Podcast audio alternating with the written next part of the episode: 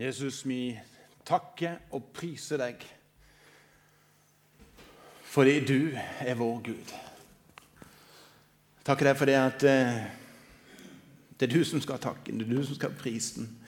Takker deg for alt det fantastiske som du gjør eh, midt imellom oss. Takker deg, Jesus, for det at det, det er du som skal ha æren, takken prisen. I Jesu navn. Jesu navn. Amen. Amen. God formiddag, folkens. Vi er privilegert. Hvis jeg blir litt sentimental i dag, det er det For jeg blir sånn Wow!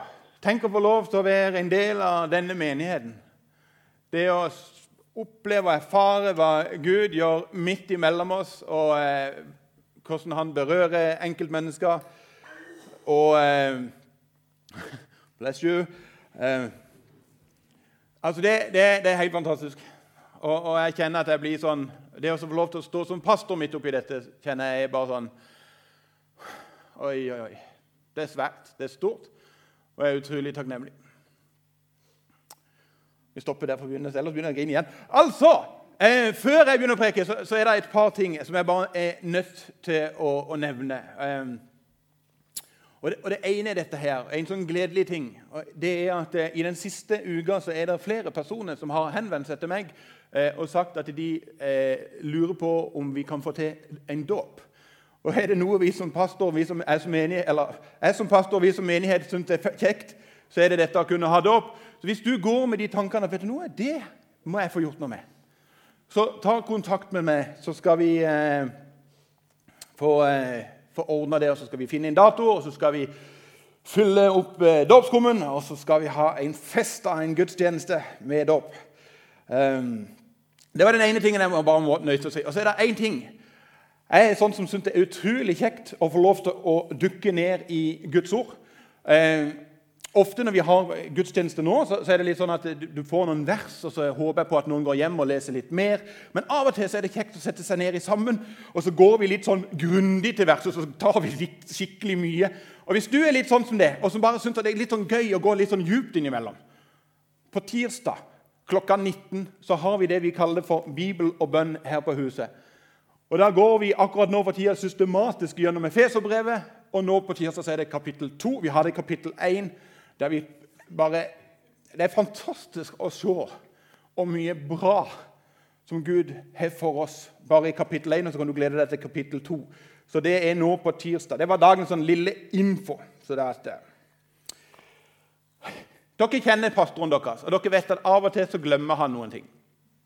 Jeg har Av og til glemt litt av talemanuset mitt, av og til så har jeg glemt å hive ned noe til powerpointen. Og i dag så har jeg glemt den jeg trykker med. Så det er at eh, så her står jeg, så Enten får jeg øyekontakt med Vegard, og så, han ligger ikke der engang. Så jeg får litt sånn øyekontakt med deg, og så trykker vi innimellom. Eller du kan gi det med bare musa di. Hvis du bare tar den bort til meg, så kan jeg bare trykke på den. Og så, eh, så tar vi det derifra. Jeg tror det går. Jeg er ikke sikker. Så det er at eh, Ja, ja, ja. Det er mye raushet ute og går i denne menigheten. her, så vi satser på at dette funker. Så det er at, eh, Hvis ikke, så, så blir det Vegard sin jobb. Skal vi gi, altså Sånne folk som Vegard Noen tenker at det er bare en sånn liten ting. Dere ser hvor sårbar vi er i dag. Altså Hvis Vegard skrur av Mac-en der nede, da blir det nokså stusslig. Det er ingen av oss som husker noen tekst lenger. Skal vi gi Vegard en god applaus? Jeg syns han fortjener det. det vi er midt i en taleserie som vi har kalt for 'Menn over bord', der vi snakker litt om dette med å få noen unnskyldninger kasta vekk ifra oss. Altså, Vi har jo masse unnskyldninger i livet. og En av de første søndagene så snakket vi om dette at 'Men jeg har ikke tid.' Sist søndag så snakket vi ja, men det er jo ikke min feil. Eh, og så berører dette livene våre. Jeg har fått masse henvendelser fra folk som sier vet du noe, dette er jo midt i min hverdag. Dette treffer meg midt på skoene, og dette er mer som mitt liv. Eh, og Det gjelder ikke bare folk her i menigheten, men jeg får av og til noen henvendelser. Det er ganske mange som hører på vår podkast utenfor menigheten, og som hører på nettet, og som eh, sier vet du noe, dette berører meg. Eh, og eh, jeg tenker Det er jo flott at vi kan få lov til å ta opp ting som trengs. For jeg tror av og til at det er en del unnskyldninger i våre liv som begrenser oss til å vokse som mennesker. Og som kanskje mest av alt begrenser oss fra å vokse som disipler av Jesus. Der Jesus utfordrer oss av og til på men som må ta noen steg, og så sier vi 'ja, men'. Og så kommer vi med en eller annen unnskyldning. Og så tenker jeg de der, der unnskyldningene der skal vi prøve å få vekk. Hvis du er med deg Bibelen i dag, så, eh, så skal du ta og finne fram Nytestamentet. Kanskje vi skulle hatt en egen taleserie om unnskyldninger for å ikke ha med seg Bibelen på gudstjeneste. For det har vi jo nesten aldri nå for tida. Men, men, det er en god vane å ha med seg Bibel på gudstjeneste. Jeg tenkte Før så tenkte jeg, jeg skulle alltid ha den med meg når jeg bare fikk meg bil. Når jeg fikk meg bil, så fikk jeg noen andre unnskyldninger. for da hadde jeg sikkert noen andre ting. Men hvis, hvis du husker det, ta med deg Bibelen på gudstjeneste. Det sier noe hvor viktig den er for deg. Og bruk den gjerne veldig. Eh, vi prøver til og med å hjelpe folk. Når du kom her i dag, eller kanskje en annen søndag, så har du fått en sånn liten hefte om denne taleserien. På baksida av den så står det en liten leseplan. Veldig enkel. Om ordspråkene. Ett kapittel hver dag. Det er 31 kapittel i ordspråkene. Én for hver dag. Hvorfor har vi valgt akkurat ordspråkene i forhold til serien 'Menn over bord'? For det er utrolig mye visdom i ordspråkene. Og ifra visdom så får du ofte hjelp til å hive unnskyldninger over bord. Så eh, Det var lille dagens reklame for Bibelen. Bruk den mye, og la den få lov til å prege deg. Slå opp i Markus' evangelium, Matteus Markus i Nytestamentet, og der skal vi lese noe som faktisk står i alle evangeliene. Denne beretningen står i Matteus, Markus, Lukas, Johannes, men vi skal lese den fra Markus. Og Før vi leser, så skal du få vite på hva er det som er skjedd. Det som er skjedd, er at Jesus og disiplene har vært sammen, og Jesus har gjort masse tegn og masse under. Han har helbreda masse mennesker, og folk stimler sammen om han. Og så får han plutselig en beskjed. I, I, dagens samfunn så hadde han fått en tekstmelding. Men han får en beskjed, og beskjeden er som følger eh, Tremenningen din, Jesus, døperen, vet du, han, Johannes, han er blitt halshogd. Og Når Jesus får den beskjeden, så hooker han tak i disiplene sine og så sier han, du vet noe, nå tror jeg det er på tide at vi tar en tur og er for oss sjøl. Og eh, gjenger litt sånn avsides. Som sagt så gjort. De reiser over på den andre sida av Genesaretsjøen. Og kommer til andre sida, så er jo bare problemet at når du har på en måte stått og gjort masse tegn og under, og folk er blitt vilt begeistra for Jesus, så har jo ryktene gått om hvor han har reist. Så folk kommer jo i hopetall òg på den andre sida. Og så er jo Jesus sånn at Han er ikke den som kommer med unnskyldninger. Han kunne jo for sagt ja, men just nå passer det veldig dårlig.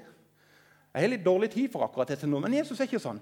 Han ser den enkelte og inkluderer dem i et fellesskap. Og så starter han på en vanvittig lang tale. Dere får som regel en halvtime. Men Jesus, når han først satte i gang denne dagen, så bare preker han og preker han og preker han, og han dro på så lenge at til slutt så reiser møtelederen seg, eller en av de andre disiplene seg og sier Jesus, nå må vi ta en timeout. Og Vi skal lese fra Markus, fra eh, kapittel 6, 35 og 37, og der står det Det var nå blitt sent på dagen, og disiplene kom til ham og sa Stedet er øde, og det er alt blitt seint. Send dem bort, send dem fra dem, fra deg, så de kan dra til gårdene og landsbyene her omkring og kjøpe mat.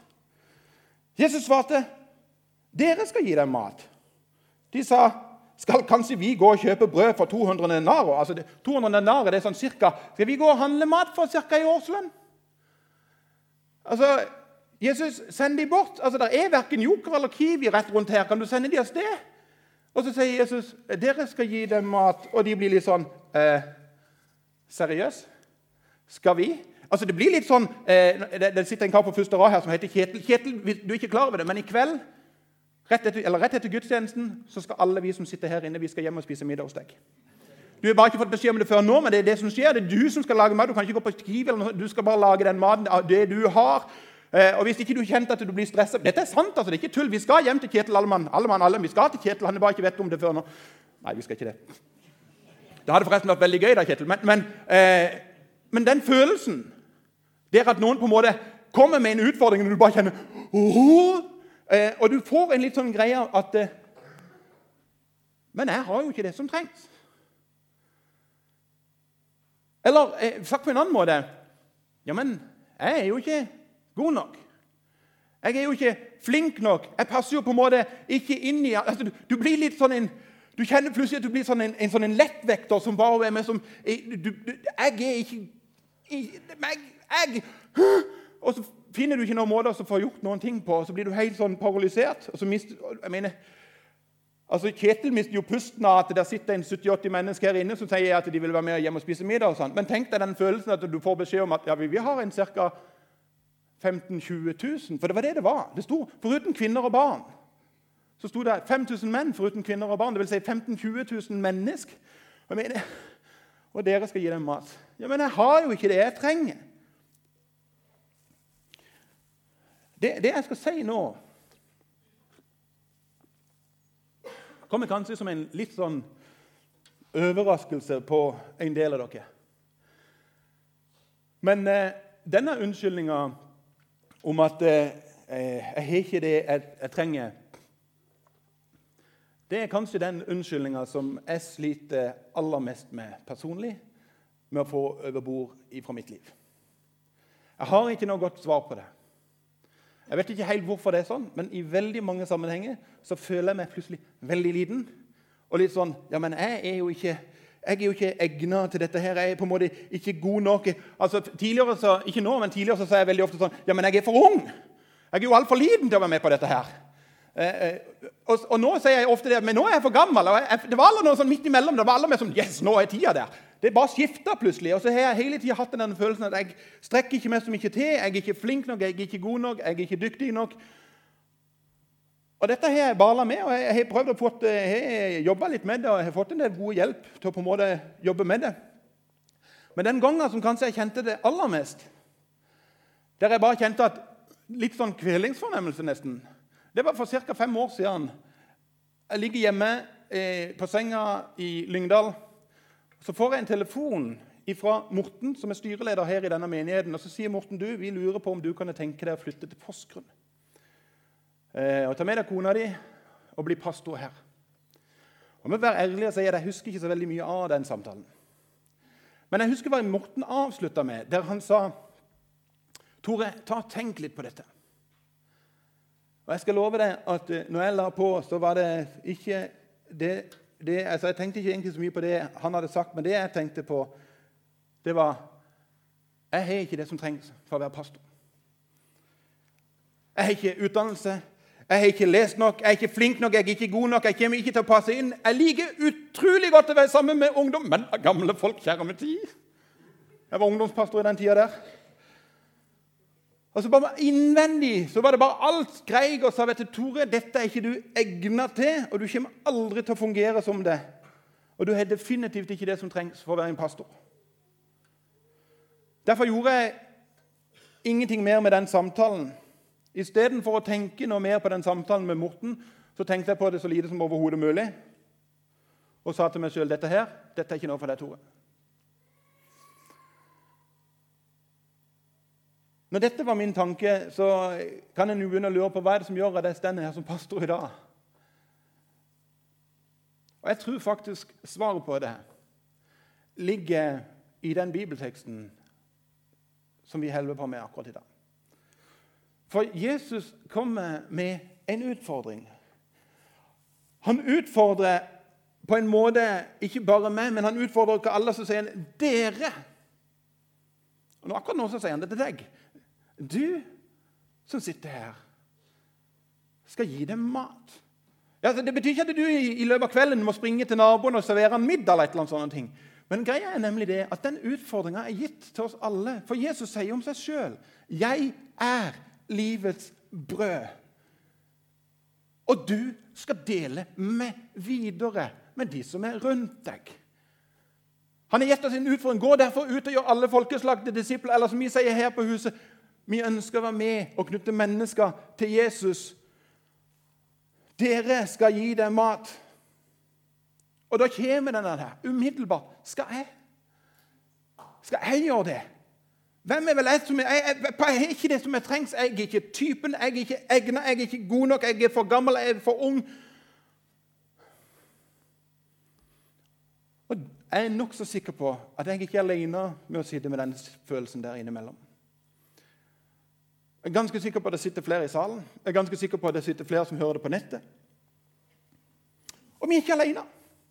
Vet du hva jeg elsker med Guds ord? Det er at Guds ord er så sannferdig. Det på en måte, De lager ikke et glansbilde, men det viser folk sånn som folk er. For Bibelen er full av mennesker som sier 'Jeg er ikke god nok. Jeg passer ikke. Jeg har ikke det som trengs'. Altså Abraham og Sara i Gamle testamentet. Hva var det de sa? 'Jeg er for gammel. Altfor gammel. Altfor gammel.' Moses, hva var det han sa? 'Jeg er jo ingen taler', sa Moses. 'Så jeg kan jo ikke stå framfor folk og tale.' Eller eh, sånn som eh, Jesaja. Jesaja han sa 'Jeg er for ung'. Og Timotius sa det samme. Jeg er altfor ung. Peter han fornekta og tre ganger følte seg ikke verdig en plass. Gideon Gideon han var den minste av den minste av den aller minste av den minste minste sort du kan tenke. Han var så liten at det var så vidt du kunne finne han. Da nesten følte seg som en liten sånn tøddel. Så liten var Gideon. Og likevel så kommer Jesus, Gud, og utfordrer disse menneskene her. Og så kjenner vi oss litt igjen. For egentlig så tror jeg ofte at vi kjenner oss veldig igjen i han her fyren her. Ludvig. Den kom litt feil ut på teksten, men den også. Ludvig fra Flåklypa. Jeg syns det er så fin beskrivelse av Ludvig. Jeg blir bare nødt til å lese den. Ludvig er B-menneske med utpreget høysnue og tydelig angst for gjennomgripende forandringer. Ikke så ulik folk som går i menighet. Ludvig er personlig pessimist. Altså, er ikke, han er bare, ikke bare pessimist, men han er en personlig pessimist. Han er saktmodig og trives best i utkantstrøk. Det er sikkert derfor vi bor her oppe på berget, som kalles for Norge. Så langt vekk fra andre folk som vi kan bare... Og så kommer plutselig Jesus til oss, og så kommer han med en utfordring, og så sier vi det er farlig, det. Det er farlig, det. Nå blåser det nordavind fra alle kanter. så er jo det fantastiske at Jesus vet jo at vi tenker sånn. Og så Derfor så spør han følgende videre i teksten fra Markus 6, 38. Hvor mange brød har dere? spurte han. Gå og se etter. Da de hadde gjort det, sa de fem brød og to fisker. Hva har du? Hva har du? Hva er det du har? Når Morten ringte meg for andre ganger og spurte om jeg hadde tenkt litt på dette, og om jeg hadde en lengre samtale, så var det to ting jeg kjente på. Og det var følgende Det er ikke Morten som utfordrer meg og min fru og vår familie til å flytte til Porsgrunn. Men det var Gud, Jesus sjøl, som kom med en utfordring. Og jeg kom med hele lista til han. Og sa men Jesus, jeg har ikke det som trengs. Jeg er ikke egnet, jeg er ikke utdannet. vet Du du kjenner meg, du ser jo at jeg funker ikke inn i dette her. Og så kommer spørsmålet ja, men Tore, hva har du for noe. Har jeg, jeg, vet jeg var helt sånn blank i hodet, så jeg husker jeg sa noe sånt. Så ja, jeg har ingenting, men jeg har en munn som stort sett går i ett. Hva er det du har for noe? Du som sitter her, du som sitter på nettet og hører. Hva har du for noe? Hva har du for noe? Hvis du er en kristen, hvis du har tatt imot Jesus som din herre og frelser, så er det iallfall én ting som er helt sikkert at du har. Og det er Den hellige ånd. Det står det at alle de som tar imot Jesus, får Den hellige ånd, Gud sjøl, iboende seg.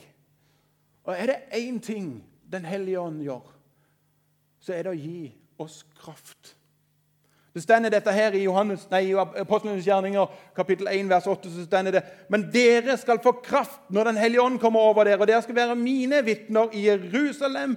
Altså i mine vitner i Jerusalem, hele Judea, i Samaria, helt til jordens ende. Eller som jeg ville ha sagt det, være mine vitner på hjemmebane, i hele Porsgrunn, i hele Grenland.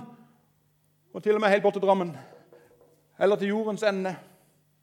Så én ting er sikker. Har du Den hellige ånd, så er det en som vil gi deg kraft. Vet du hva jeg har oppdaga? At Den hellige ånd ofte gir kraft til ting jeg allerede har i mitt liv.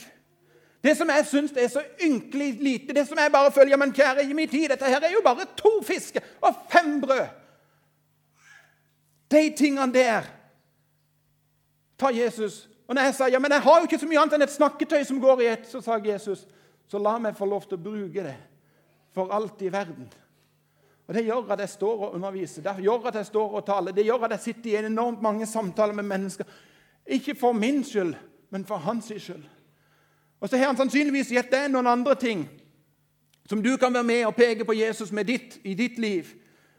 Kanskje det handler om at du har en sånn vennlighet eller en gjestfrihet. Du bare elsker å ha folk rundt seg.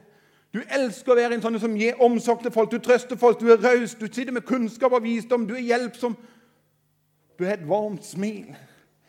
Alle de tingene der er helt naturlige ting. Det er helt naturlige ting.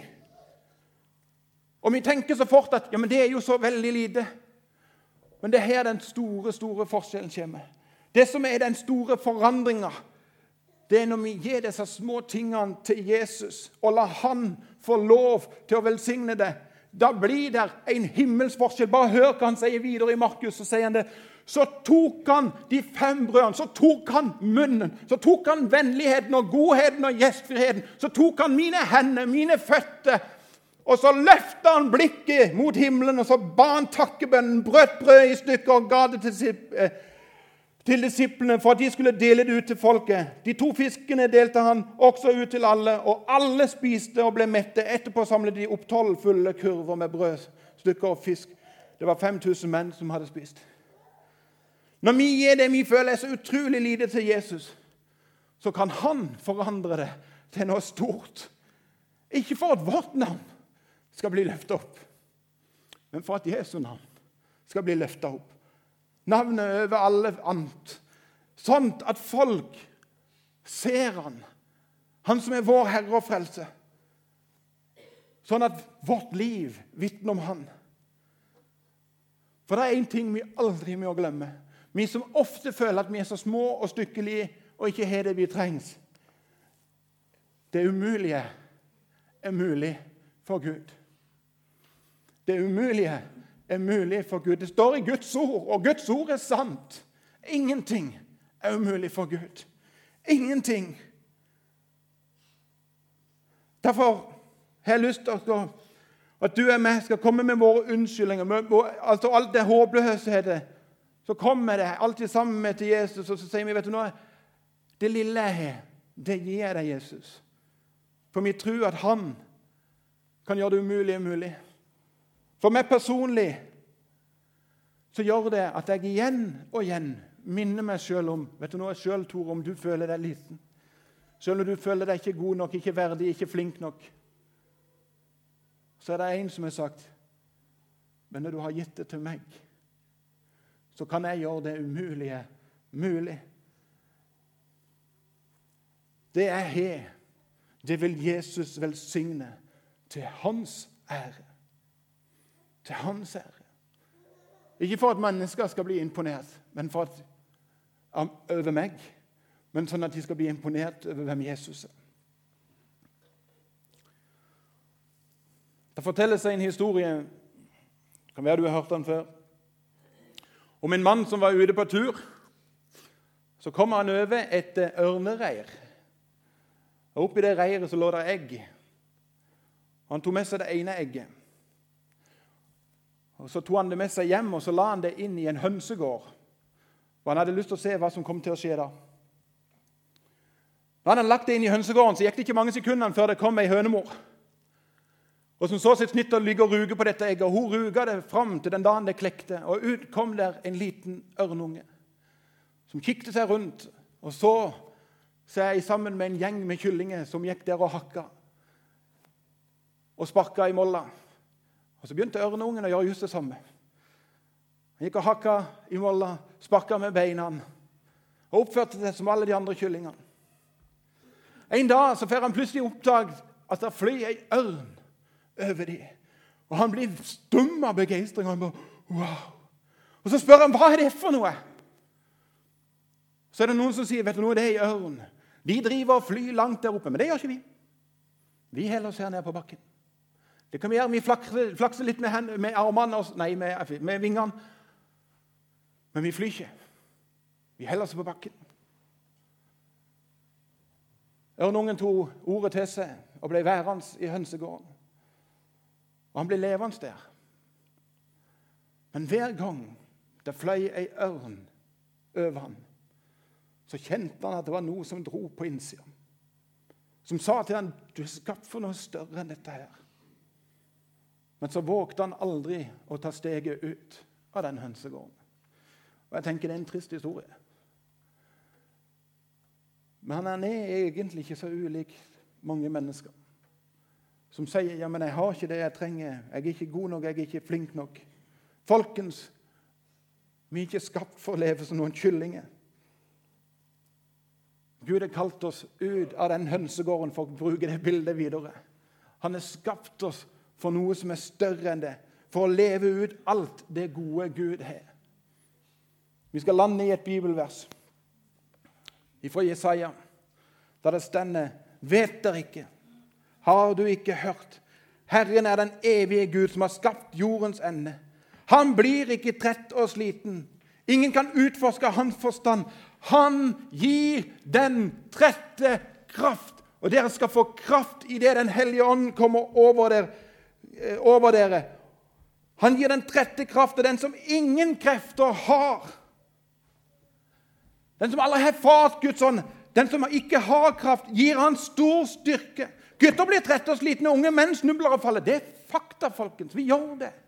Men den som venter på Herren, får ny kraft. De løfter vingene som ørnen. De løper og blir ikke slitne. De går og blir ikke trette. Hva er det som holder ei ørn flygende oppe? Det usynlige. Vinden. Hva er det som løfter oss? Jo, det er Den hellige ånd. Som tar det vi sier er så lite. Men når vi gir det til Han, så løfter Han det opp til noe helt annet enn det vi noen gang hadde forestilt oss. Jeg har ofte tenkt Jesus, dette er så lite. Jeg husker til og med en gang jeg sto og talte og kjente at vet du noe, dette her kommer ikke til å holde ut. i Det hele tatt. Det kommer til å være den dårligste talen jeg har holdt, og jeg tror faktisk det er den dårligste talen jeg noen gang har holdt. Men rett før jeg gikk opp på talerstolen, så sa jeg men la det bli til noe for noen. Det er dette jeg kommer med nå, Jesus. Ja, du er et under. I ettermøtet på den talen så sto voksne mannfolk og hulkegrein. Og jeg tenkte, Gud, hva er det du holder på med? Ikke av egen kraft, men av Guds kraft. En som sier, 'Jeg vil gi deg kraft, og jeg vil gi deg styrke'. Ikke si om deg sjøl at ikke du er god nok. Du har fått en ny identitet i Kristus. Du og min oppgave er å se hva vi har i ham, og ikke i oss sjøl. Og det lille vi har, det gir vi til ham. Det vi tenker på, er bare to fisker og fem brød. Det vil Gud gjøre noe med. Jesus, jeg priser deg og takker deg for det at eh, du elsker oss, og du kjenner oss, og du vet at vi føler oss ofte litt små. Jeg ber deg, Jesus, om at du hjelper oss til å holde blikket festa på deg og komme med alt dette her tingene som vi føler er så lite, og gi det til deg. Det ber jeg om. I Jesu navn. Amen.